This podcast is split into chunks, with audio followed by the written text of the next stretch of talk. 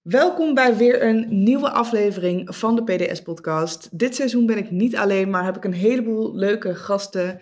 Heb jij het prikkelbare darmsyndroom en volg je het FODMAP-arm dieet? Probeer dan eens de glutenvrije en FODMAP-arme producten van Share. Vanaf nu zijn alle FODMAP-arme producten van Share eenvoudig te herkennen aan de oranje sticker. Benieuwd naar de producten? Ga dan naar de website. De link staat in de beschrijving van deze podcast. Uh, die bij mij aanschuiven of waarmee ik online een interview doe. En vandaag is dat Dennis. En um, Dennis is co-founder van Denk. En wij, ja, we zijn eigenlijk op een hele gekke manier bij, op elkaars pad gekomen via Instagram, geloof ik, hè? Ja, klopt. Ik, ik had uw uh, naam doorgekregen van een organisatie, van een PDS-organisatie uh, in Nederland.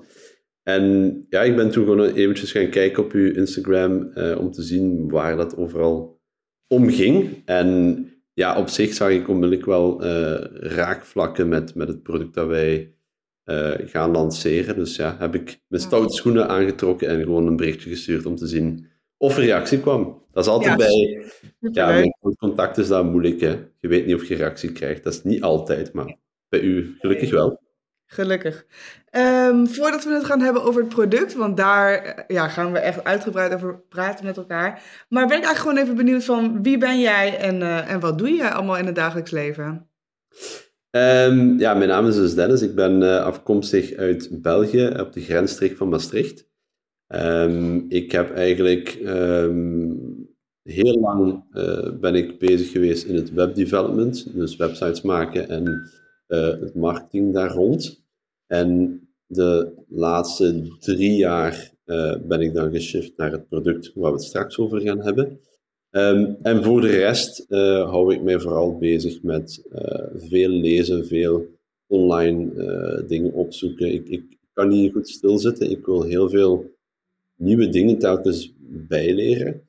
Um, en als ik ontspanning nodig heb, dan ga ik op zondag meestal de bossen in met de mountainbike. En daar amuseer ik me en dan leef ik me uit. Nou, heerlijk, toch? Dat klinkt als een, uh, als een heel fijn gebalanceerd leven, als ik dat zo hoor. Ja, dat wel, dat wel. Ik hou wel van structuur, dus... Uh... Ja, en luister je zelf veel naar podcast eigenlijk?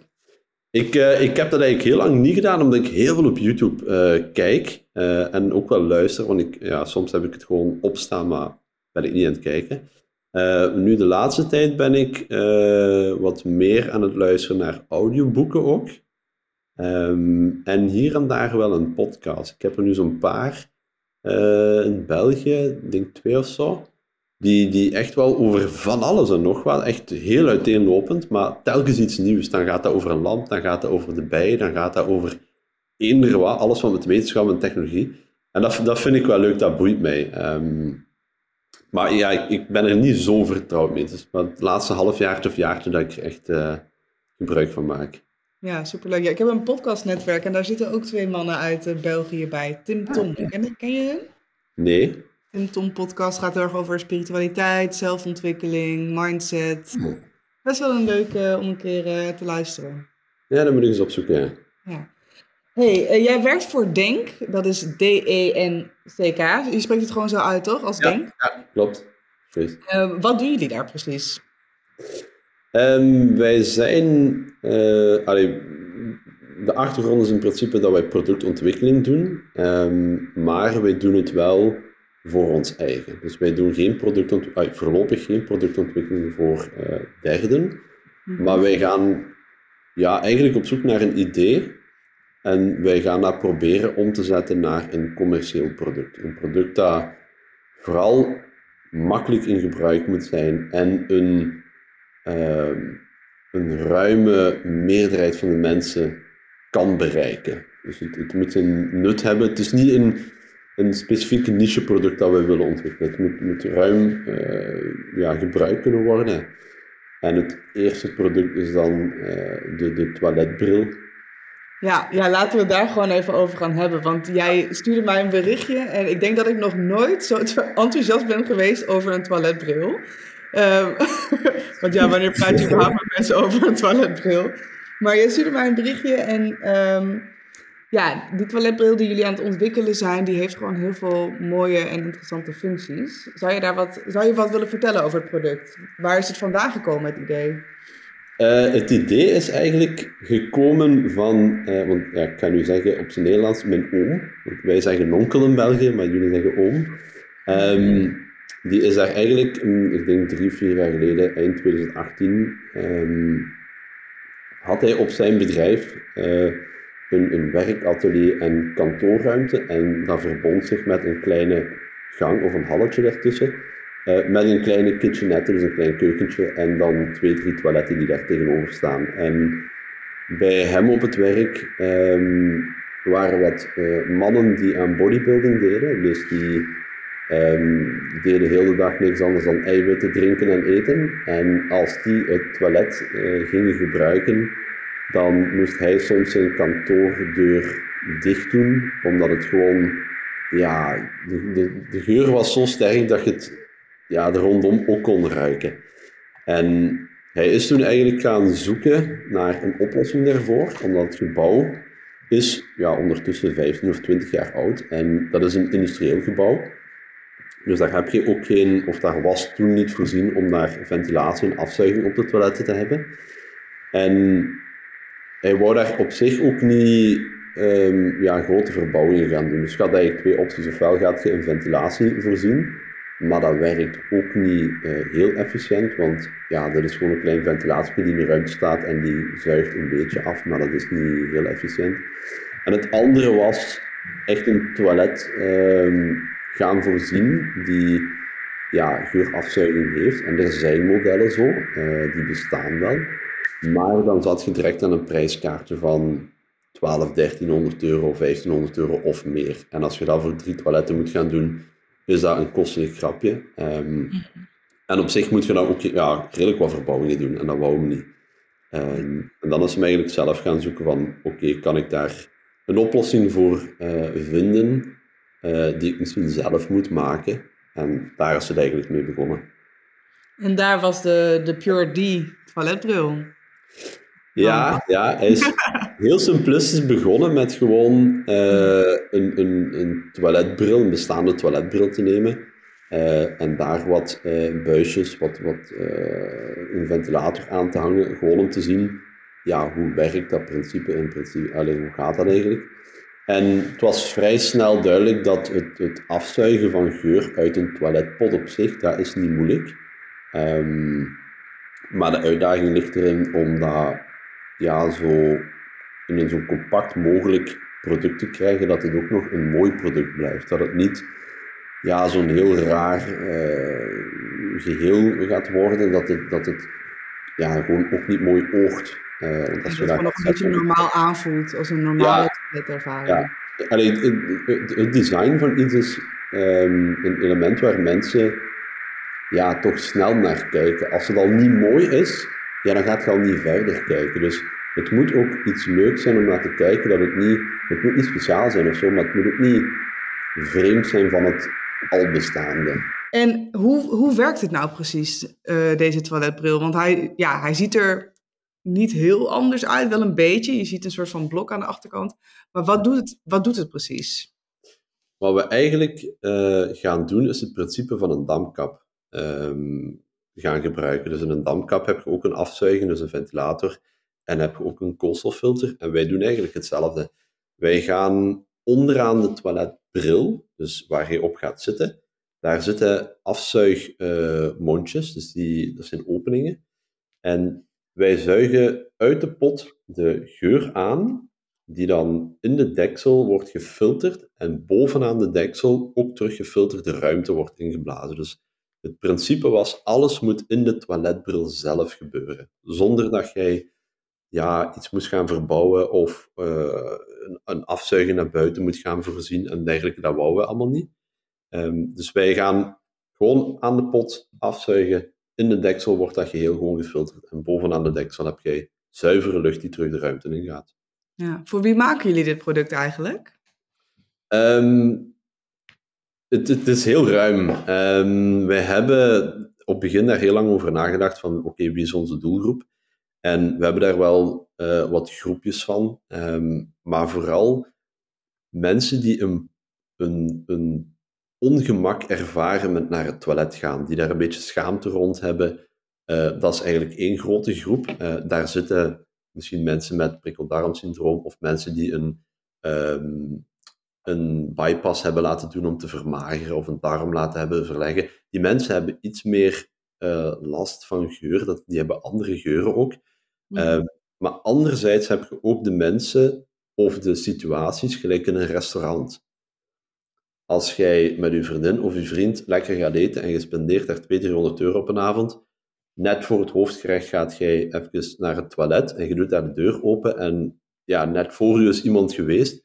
Dat is geen aangename ervaring. Dus je hebt enerzijds voor de mensen die het voor hun eigen gang kunnen gebruiken, die daar ongemak mee, mee uh, allee, zich ongemakkelijk daarbij voelen. Maar anderzijds heb je gewoon ja, de restaurants, de kantoren, de hotels, die dat als een, als een ervaring naar hun klanten willen brengen. Um, dat zijn eigenlijk onze twee grote groepen um, waar we denken dat wel, wel de eerste noodzaak is voor het product.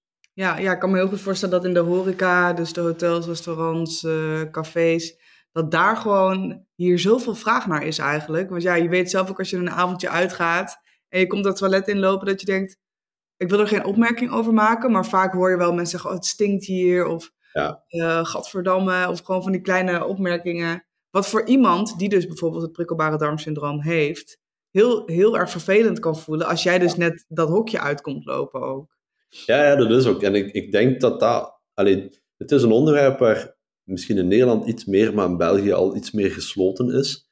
Ehm, maar mensen zijn het ook vaak gewoon... Allee, de globale mens, niet de uitzondering, maar de meeste mensen zijn het gewoon. Je gaat aan het toilet, dat heeft een geur.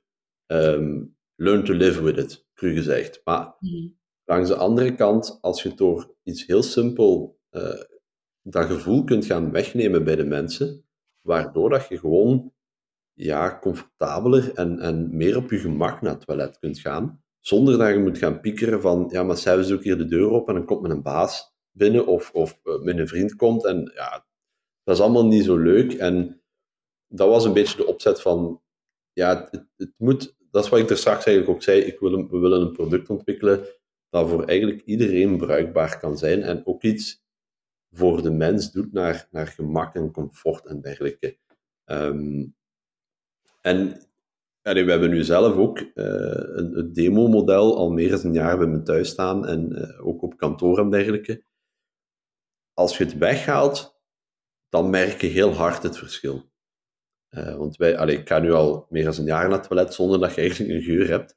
En mm. ja, als ik hem soms eens moet wegnemen om er iets aan te doen, want uh, dit is een prototype bij mijn thuis, ja, dan hoor ik mijn vriendin onmiddellijk zeggen van, ja, breng die morgen terug mee, want het is, een, het, is, het is gewoon fijner, het is zonder geur. Je kunt letterlijk gewoon na elkaar naar het toilet gaan en je ruikt helemaal niks.